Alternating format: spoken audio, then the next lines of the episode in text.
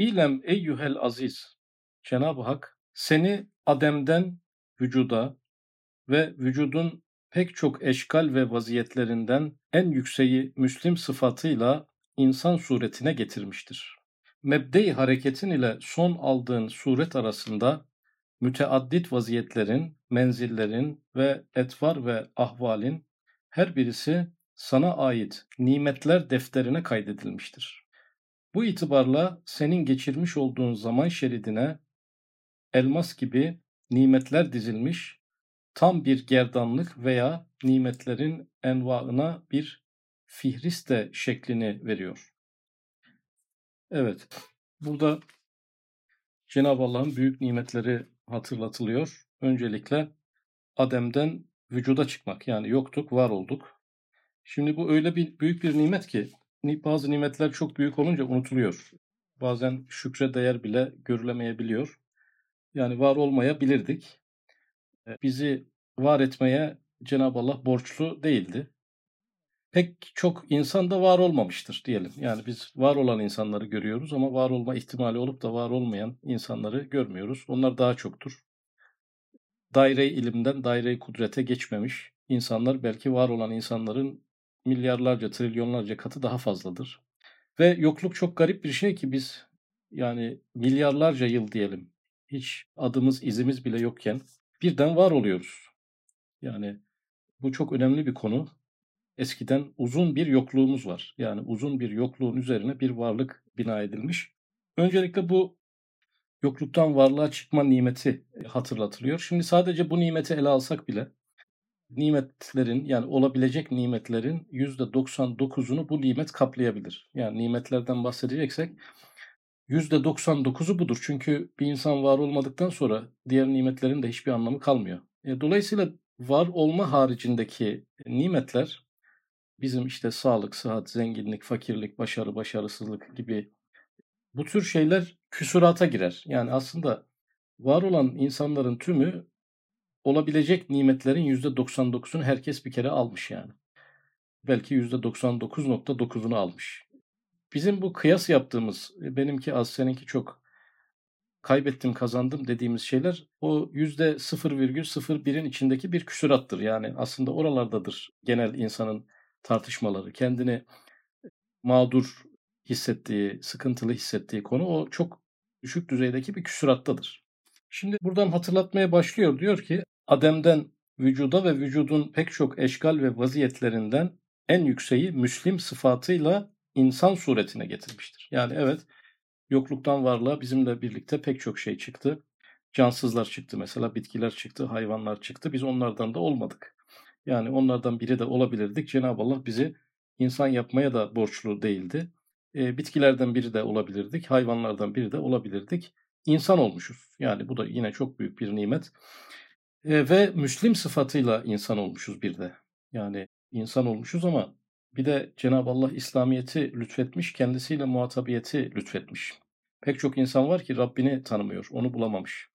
E, onunla irtibatı yok, onunla bir iletişimi yok, onunla bir muamelesi yok pek çok insan. Ve böylelikle biyolojik bir varlık durumuna düşüyor aşağıya yukarı. Ama insanın ruh boyutu itibariyle Cenab-ı Allah'a yaklaştığı nokta ona inandığı, iman ettiği noktada daha yüce bir makam kesbediyor. Ve bu da herkese nasip olmuyor. Bu da olmuyor yani. Müslim sıfatı.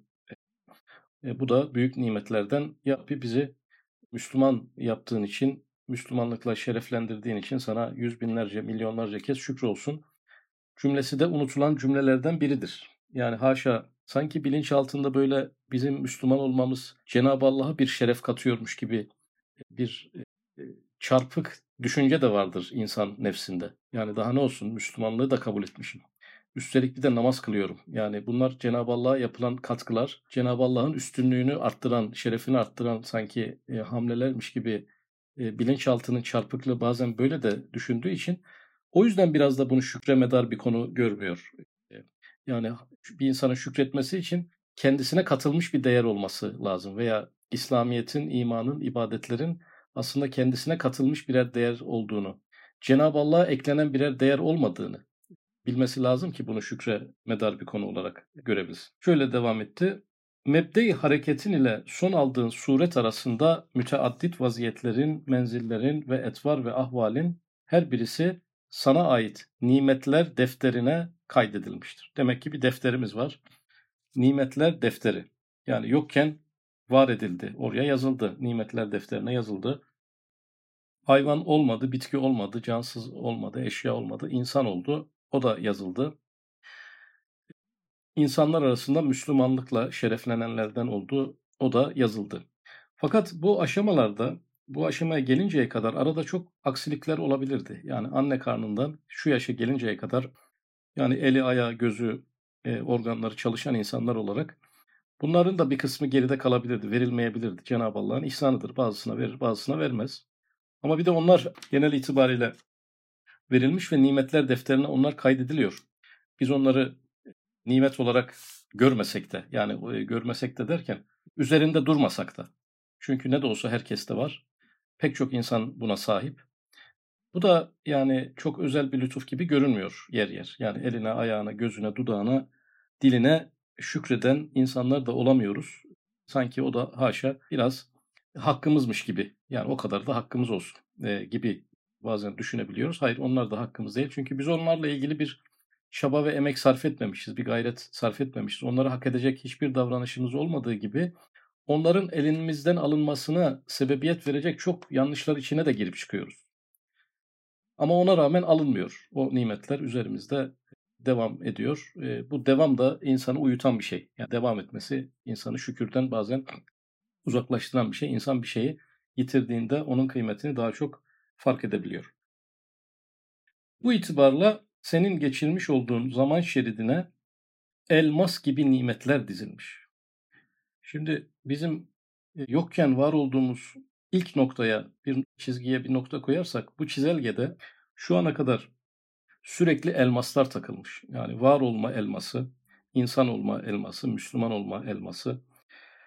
Şimdi bunlar elmas ama bir de cam parçaları var. Tabii elmasın yanında kıymeti olmayan. İşte ekonomik seviyelerimiz arasındaki farklar, sağlık seviyelerimiz arasındaki bir takım farklar, makam mansıp, işte güzellik, yakışıklılık gibi böyle cam parçaları da var. Sadece dünyada ufak farklar oluşturan, totalde bir fark oluşturmayan, ahirette, ebedi hayatta aramızda bunların birer fark olmadığı e, meseleler var ki o cam parçaları üzerine bir tefekkür yürütüyoruz genel olarak. Yani insan kendisine verilen nimetler defteri ve kendisine yaşatılan müsibetler defterine baktığında elmaslar gözüne çarpmıyor. Yani elmaslar tam verilmiş. Fakat cam parçaları kimimize küçük verilmiş, kimimize büyük verilmiş. Orada bir kavga başlıyor.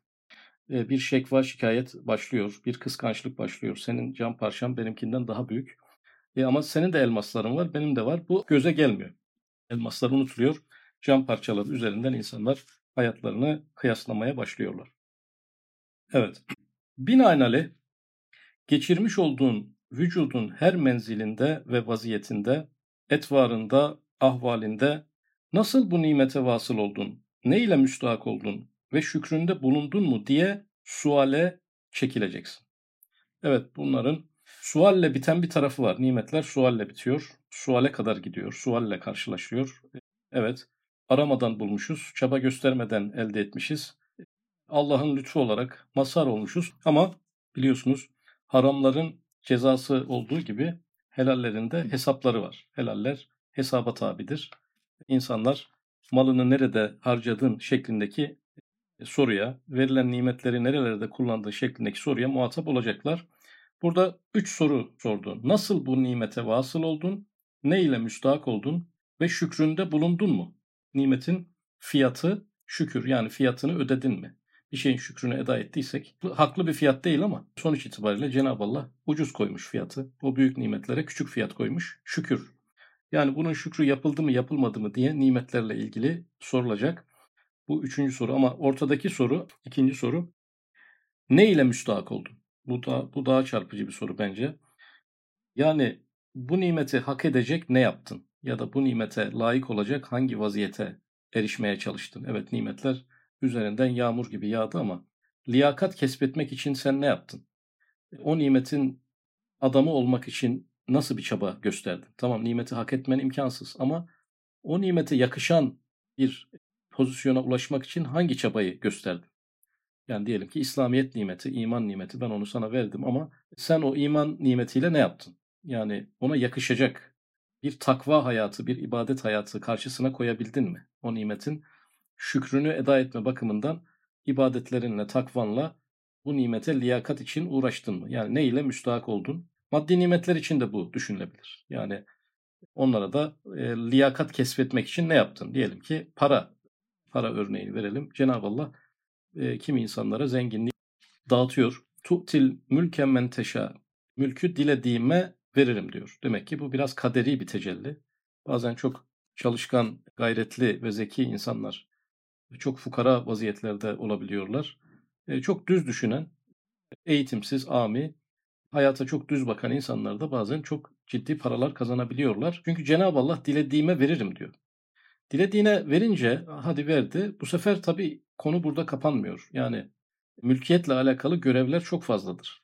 Yani zekatını verdin mi, sadakasını verdin mi, malın sana ait olmadığını kavrayabildin mi, onun bir emanet olduğunu fark edebildin mi, onunla başkalarına yardımcı oldun mu, o, o malın eksiğini, gediğini, tamiratını, tadilatını güzel yapabildin mi? Çünkü sen orada biraz da bekçi konumundasın. Sana onlar yükümlülük olarak gelmiş. Onları muhafaza e, edebildin mi?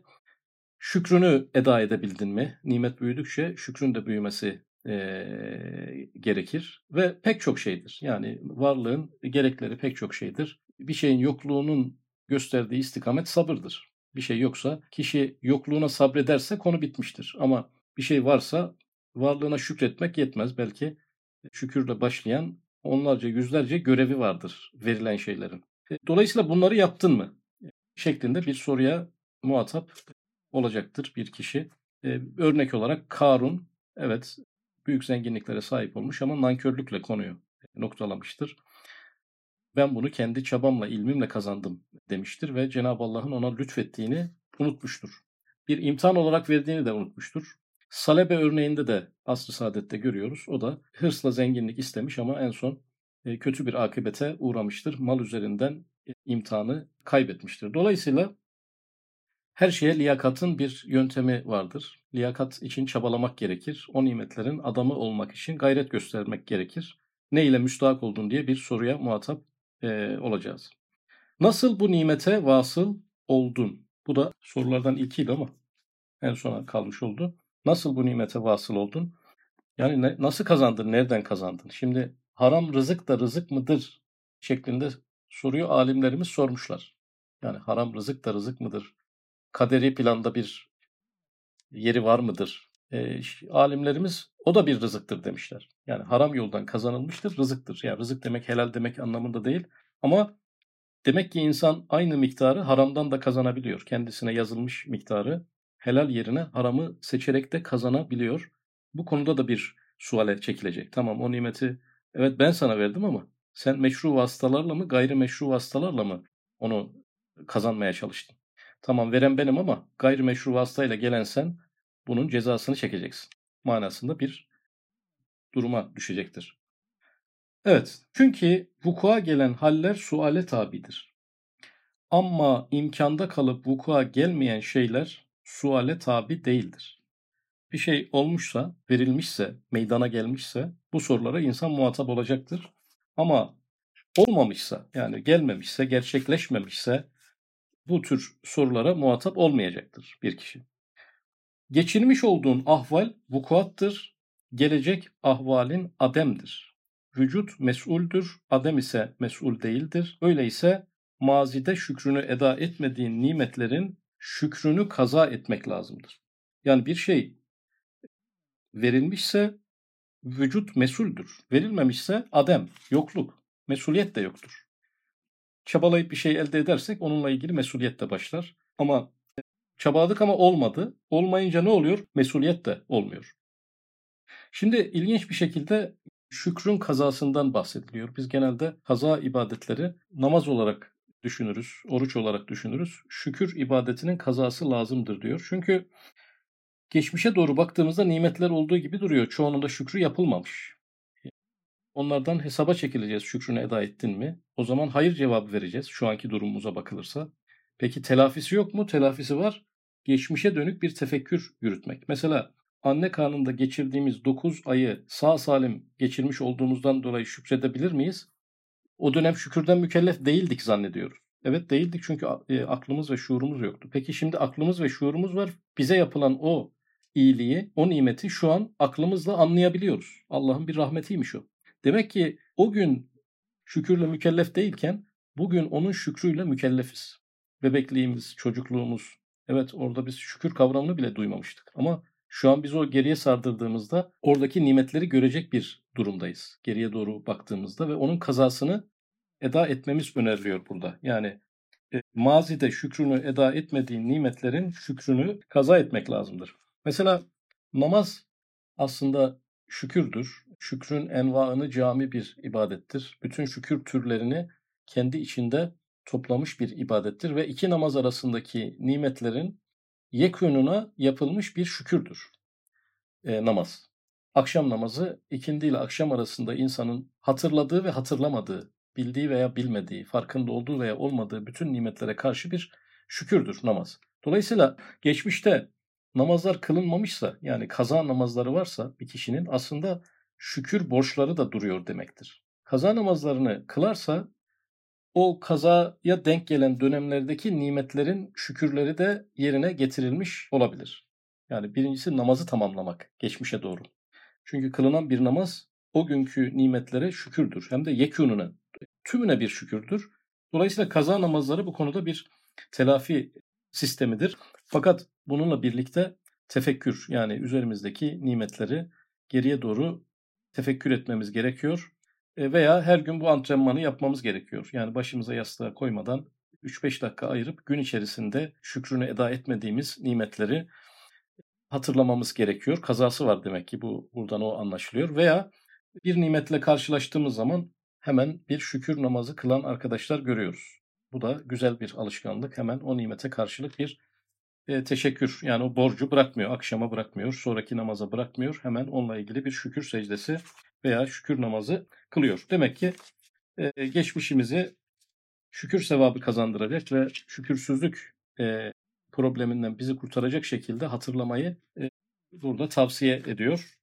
Çünkü oldu, olmadı değil. E, Adem'de kalmadı, vücuda girdi, var oldu. Ama bunlar arasında tabii unutmamak gerekir ki var olmak, insan olmak gibi büyük mevzuları da unutmamak gerekir. Evet. İlem eyyuhel aziz. La havle ve la kuvvete illa billah. Cümle-i mukaddesesi insanın zerre vaziyetinden insanı mümin suretine gelinceye kadar camidiyet, nebatiyet, hayvaniyet, insaniyet gibi geçirdiği etvar ve ahvaline nazırdır. Şu menzillerde insanın letaifi pek çok elem ve emellere maruzdur. Bu elem ve emel kelimesi üzerinde biraz duralım. Yani biz çok aşamalar geçirdik. Mesela anne karnında aşamalar geçirdik. Bu yaşımıza kadar çocukluk, gençlik aşamalar geçirdik. Gün içinde aşamalar geçiriyoruz. Ama en çarpıcıları camidiyet, nebatiyet, hayvaniyet, insaniyet. Yani biz cansızlık, bitkisellik, hayvanlık ve insanlık böyle aşamalar da geçirdik.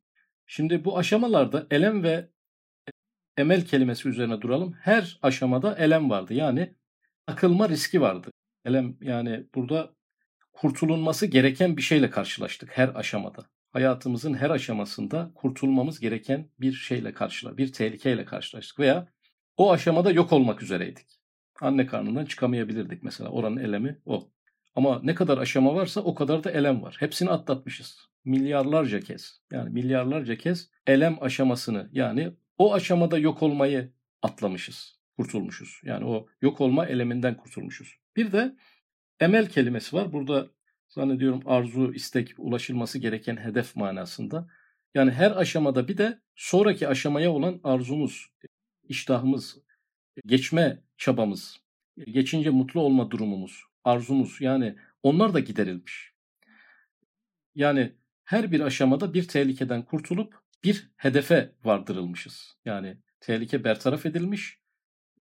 Fakat bir de o belirgin hedefe de ulaşmamız sağlanmış. Mahaza havl ve kuvvetin müteallikleri zikredilmeyerek mutlak bırakılmıştır. Binaenaleyh bu cümle teselli bahş olup cümülü dahilinde olan makamlara göre tefsir edilir.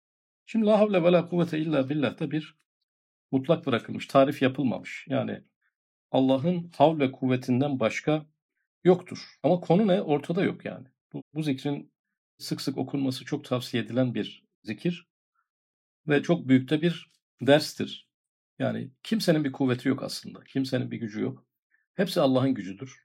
Biz bir şeylere meylederiz ama e, o yaratımı Allah yapar. Allah'ın kuvvetiyle olur her şey. Kuvvet diye bir şey yok. Allah'ın kuvveti diye bir şey var. Allah'ın kudreti diye bir şey var daha doğrusu. Dolayısıyla bu cümlede bir mutlak bırakılmış bir şey var. Yani hangi konuda, hangi konularda bu geçerli? Nerelerde olmuş bu? La havle ve la kuvvete illa billahla neler olmuş? Biz nerelerde bununla karşılaşmışız? Hangi aşamaları bu zikirle atlatmışız? lisan hal ile dahi olsa onları sayacak. Yedi tane madde sayıyor. Bir, Adem'den çıkıp vücuda gelmek. Evet biz şu anda bu ders arkadaşlarımız olarak yokluktan kurtulmuşuz, varlığa ermişiz. Yani yok olabilecekken var olmuşuz. İki, zevale gitmeyip bekada kalmak. Bu da en az ilki kadar çarpıcı. Tamam, yokluktan çıktık, varlığa erdik ama varlıktan da geri yokluğa dönme çok yüksek bir ihtimaldir. Veya varlıkta uzun süre kalıp yokluğa dönmek de yüksek bir ihtimaldir. Ama bu sefer beka, bekaya kalıyoruz. Yani yokluk, önümüzdeki yokluk tehlikesi kaldırılıyor. Yani kendisinden geldiğimiz yokluğa geri dönme riski en yüksek riskken bu risk kaldırılıyor. Bekaya mazhar olmuşuz. Şu an bu dersi dinleyen arkadaşlarımızın hepsi bu nimete de mazhar olmuş. Yani yokluktan kurtulmakla büyük bir nimet fakat bekaya ermekle ve bu bir çaba falan da gerektirmiyor işin garibi. Yani ruhumuz baki, baki bir ruh verilmiş. Bizim günahımıza, sevabımıza da bakmamışlar bu noktada. Yani böyle bir ikramla bizi çabasız ve emeksiz bizim durumumuza da bakmadan bu e, büyük elması, bu büyük nimeti de hemen e, gerdanlığımıza takmışlar. İlki kadar büyük, ilki kadar önemli. Hatta bu olmasa ilkinin de bir önemi yok. Tekrar yokluğa dönecek olsaydık varlığa ermemizin de bir önemi kalmayacaktı. Necip Fazıl'ın ifadesiyle iki yokluk arasında varlık olur mu hiç? İki yokluk arasında bir varlık olsaydı onu da yok saymak gayet mantıklı olurdu. Üçüncü madde mazarratı def, menfaati celp. Yani zararlardan korunmak, faydalara erişmek. Bu da bedenimizde oluyor şu anda. Yani yaşamda oluyor. Doğayla olan ilişkilerimizde oluyor. Yani zararlar sürekli, mesela zararlı güneş ışınları sürekli bizden savuluyor. Faydalı ışıklar bize ulaştırılıyor. Bunlar da olmayabilirdi. Bunlar da bizim çabamıza bakmayan işler. Mesela burada bir arıza olsa yine büyük bir felakete uğrardık. Dördüncü madde musibetten uzak olup matluba nail olmak. Evet musibette de insanlar da vardır ama e, bir de olmayanları düşünelim. Yani pek de üzerinde hatırı sayılır bir musibet olmayan insanlar da çoktur. E, kendi adıma konuşuyorum. Bu dördüncü kategoride kendimi görüyorum. Yani musibetten uzak olup matluba nail olmak. Arzu ettiklerine, talep ettiklerine, hayal ettiklerine insanın erişmiş olması. Böyle ufak geçici sevap kazandırıcı, insanın dünyaya meyletmesini engelleyici, geçici müsibetlere ehemmiyet vermemek gerekir zaten. Üstadımızın ifadesiyle asıl müsibet dine gelen müsibettir. Maneviyata, kalbimize gelen müsibettir. Çünkü geçici olmaz o. Onların etkileri kalıcı alemi de etkileyebilir. Evet, beşinci madde maasiye düşmemek, ibadete devam etmek. Evet, şükür gerektiren konulardan birisi günaha düşmemek, günahkarlığa düşmemek, günahkarlık zeminlerine düşmemek, ibadete devam etmek. Bazen insan işte buna da nail oluyor. Ama şükre medar bir konu gibi görünmeyebiliyor. Halbuki Allah'ın büyük bir lütfudur. İbadete karşı bir aşk-ı şevk vermiştir. Günahlara karşı da kalbine bir tiksinti vermiştir. Ve Cen- Cenab-ı Allah'ın verdiği bu iki motivasyonla çok güzel gidiyordur. Şükretse arttırılacaktır yani. Ama kendisinden bilirse o nimeti de kaybedebilir. Hakkı hak, batılı batıl görme duası ve o duanın sonucunda şayet Cenab-ı Allah onu ikram ederse elbette bu büyük bir nimet olur. Çünkü evet beka garanti ama bekanın içerisinde iki seçenek var. Yani bu, e, azap var bir taraftan, bir taraftan da e, saadet var. E, dolayısıyla günaha düşmeyen, günahtan korunmaya çalışan ve bunu başaran, muvaffak olan ve ibadete devama muvaffak olan kişi aynı zamanda cennetin yolunu da bulmuş oluyor. Bu da e, nimetlerden bir tanesi. Altı, azaba maruz kalmamak, nimete mazhar olmak. Bu da yine ebedi saadetle ilgili diye düşünüyorum. Azaba maruz olanlar olacak ama bir de nimete mazhar olanlar olacak.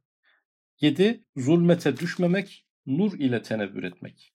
Yani pek çok nimete ermiş olsa bile insan, Müslüman da olsa, karanlık fikirlerin ağına düşebiliyor, kalbi kararabiliyor, e, yolunu bulamayabiliyor. Alnı secdeli, ağzı dualı bile olsa e, sapkın fikirlerden kalbini kurtaramayabiliyor.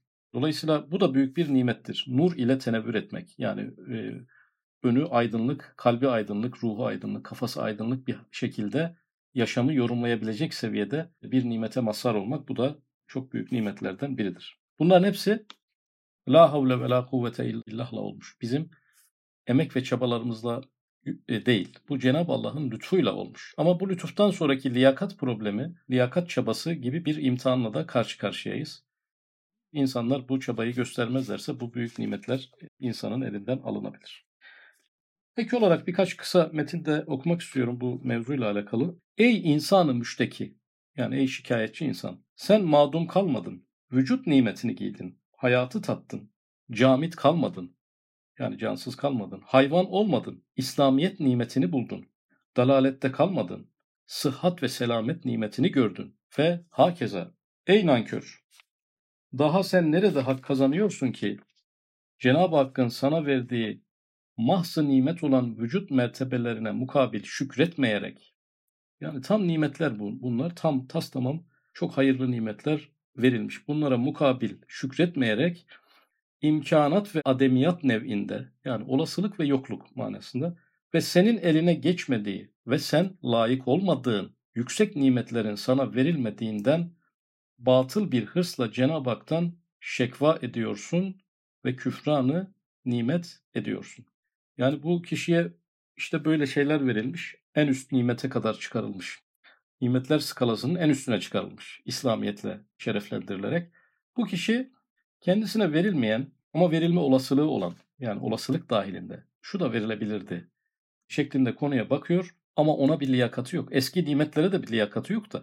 Yani bu sayılan o büyük nimetlere zaten liyakatı yok da bu aşamada bu küsurat nev'inden yani bu elmas yerine cam parçalarından bazı büyüklerine göz dikmişken onlara da aslında bir liyakatı yok. Ama neden verilmediğine dair iki duygusu var. Şekva ve küfranın nimet. Yani şekva e, verilenlere karşı gözünü kapatıp verilmeyenlerin şikayetiyle meşgul olmak. Küfranı nimet bu verilmeyenlere kafayı çok taktığı için kendisine verilenleri de verilmemiş gibi yaşamak. Sanki hiçbir şey verilmemiş gibi. Yani o verilebilecek nimetler arasında varlık nimeti, hayat nimeti, insan olma nimeti, İslam'la şereflenme nimeti gibi nimetler kümesinin %99.9'unu oluşturan şeyleri de verilmemiş gibi yapıyor. Kendisine bir şey verilmemiş gibi yaşıyor çünkü. Kendisini mahrum insan pozisyonuna sokuyor. O yüzde bir için. O yüzde bire de işin garibi liyakatı da yok. Belki kendi suçları, ihmalleri yüzünden kaçırmış onu. Kendi günahları yüzünden veya tembelliği yüzünden veya liyakatsizliği yüzünden kendisine bakan pek çok yönü de var onu kaçırmasının. Veya kendi başına bir bela istiyor aslında. Yani o verilse çok büyük bir bataklığa batacak. Onunla sürekli meşgul oluyor. Yani aslında şu anda insana hiçbir şey verilmese yani şu andaki insanlardan bir Müslümanı ele alalım. Bu saatten sonra kendisine hiçbir nimet erişmese, hiçbir nimet yani şu saatte bütün nimetler durdurulsa, hiçbir nimet erişmese bu kişi aslında yine de bir nimet rekortmenidir. Yani o elmaslardan oluşan o büyük nimetler bakımından bir nimet rekortmenidir. Ama işte insan bu rekoru göremiyor. Verilenlere karşı kör ve nankör olduğu için verilmeyenler üzerinden o da liyakat problemi bir taraftan. Bir taraftan sebeplere riayet etmeme gibi problemler.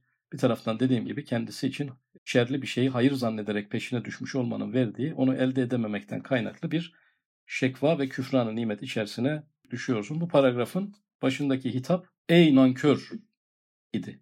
Halbuki Üstad Hazretleri aziz kardeşim gibi arkadaşlar e, burada çok sert bir ifadeyle e, aslında nefsimize hitap ediyor. Yani bu çok nefse hitap eden cümlelerde ben de kendi nefsime almaya gayret ediyorum.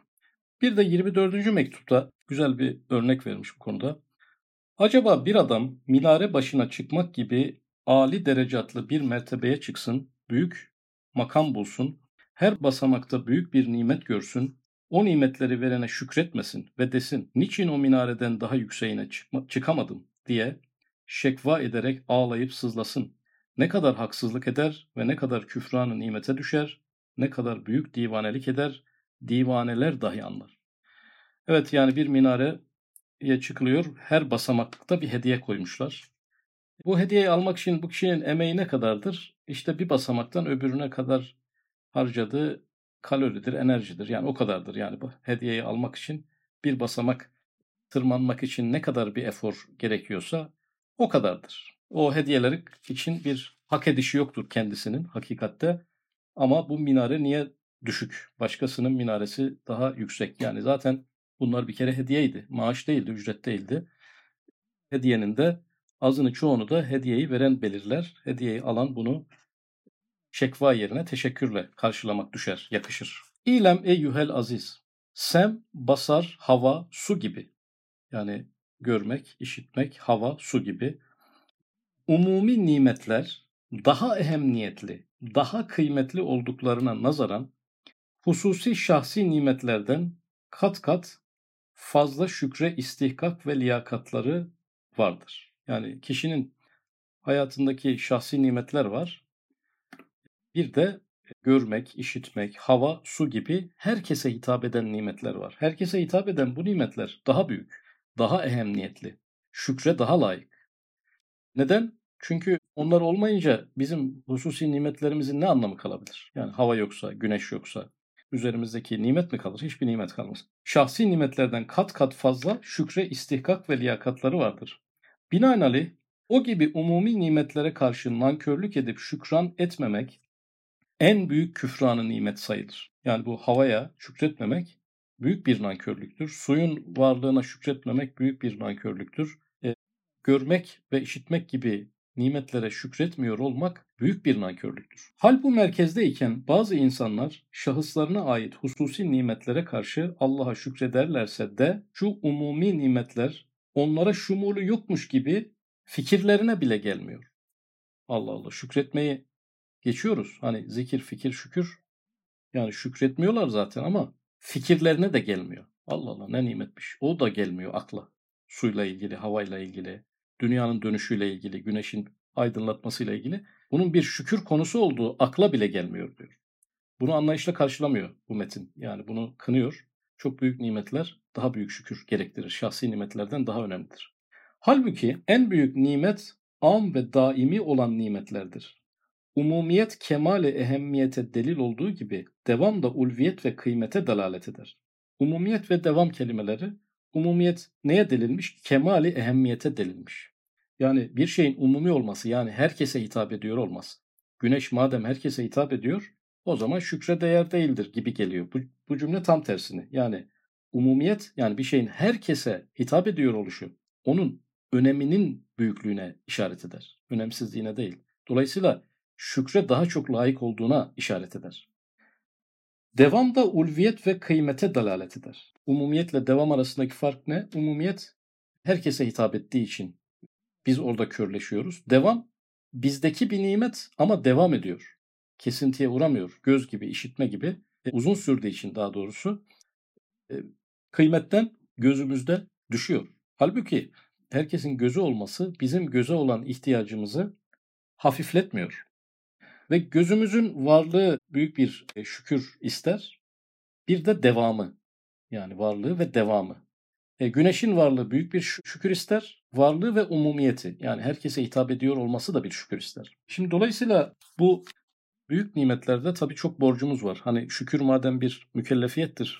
Madem bir sualdir. Yani e, demek ki ahirette annenin karnında geçirdiğin emniyetli dönem için niye şükretmedin de diyecekler. Çünkü şu an şuurun var. O dönemi o dönem hatırlamıyordun. Şimdi oradan tehlikelerden kurtulduğu bilgisi var. Bunu soracaklar. O zaman güneşi de soracaklar. Güneşe şükrettin mi? Gözünün varlığına şükrettin mi? Havaya şükrettin mi? Suyun varlığına şükrettin mi? Şimdi bu konuda borçlu çıkacağımız hemen hemen muhakkak gibi görünüyor. Çünkü umumi olması ve devam içeren nimetler olması hasebiyle gaflet ve körlük e, olmuş e, oluyor bu durumda.